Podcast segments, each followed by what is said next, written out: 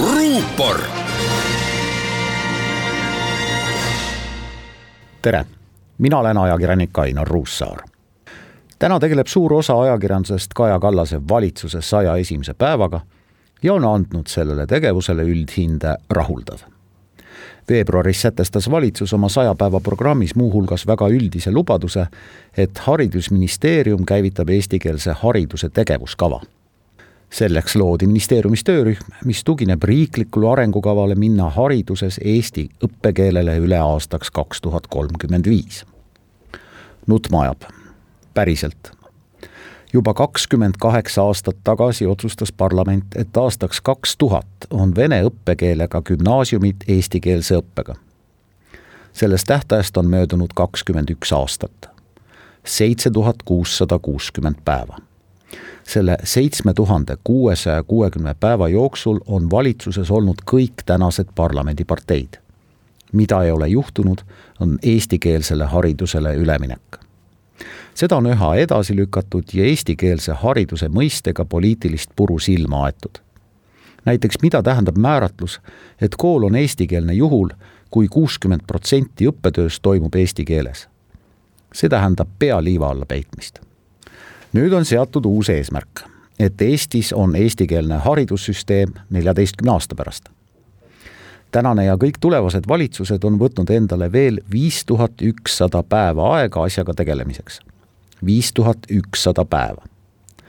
tänased viieaastased venekeelsetest perekondadest pärit lapsed võivad õnnelikult uhata Nad jõuavad gümnaasiumi enne ära lõpetada, kui eestikeelne haridussüsteem neid otseselt puudutab. võib-olla puudutab see nende lapsi, aga kui vaadata tagasi möödunud kahekümne ühele aastale, siis ei pruugi. enne kahe tuhande üheksateistkümnenda aasta parlamendivalimisi oli Reformierakonna, Isamaa ja EKRE valimisplatvormides kirjas ühtsele eestikeelsele haridussüsteemile üleminek ikka selleks, et tuhande üheksasaja üheksakümne kolmandal aastal seatud eesmärk kinnistada eesti keele, kultuuri ja rahva säilimine ning vene keelt kõnelevate inimeste parem toimetulek Eesti ühiskonnas lõpuks ometigi tegelikkuseks saaks Keskerakond on sellele kogu aeg sõrgu vastu ajanud, eelkõige hirmust kaotada venekeelset valijat. sotsid on olnud ettevaatlikud. muidugi ei saa eestikeelsele haridusele üleminek toimuda kiirkampaania käigus.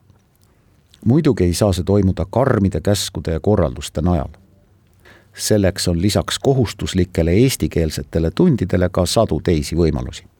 osaliselt toimib keelekümblus on suur rõõm näha, kuidas Kohtla-Järve riigigümnaasiumis suhtlevad venekeelsed ja eestikeelsed noored omavahel eesti keeles, olgu selleks siis ühine huviring või kooli kohvikulaud. on suur rõõm näha, et üha rohkem on eestikeelsetes lasteaedades venekeelsetest peredest lapsi.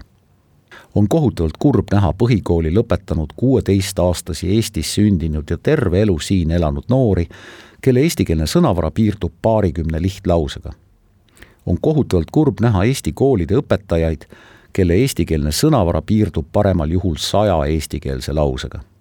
ja nüüd tänase valitsuse juurde tagasi. küsimusele, millal siis ikkagi algab kakskümmend kaheksa aastat tagasi otsustatud eestikeelsele haridusele üleminek, kuuleme vastuseks, et ettevalmistused selleks käivad ikka eesmärgiga luua eestikeelne haridussüsteem aastaks kaks tuhat kolmkümmend viis siis on parlamendi otsusest minna üle eestikeelsele haridusele möödas nelikümmend kaks aastat. ametis olnud, ametis olevatel ja ametisse asuvatel valitsustel täitub siis eesmärgini jõudmisel viisteist tuhat kolmsada kolmkümmend päeva. aga seni Želajuv Siem Udači. ruupor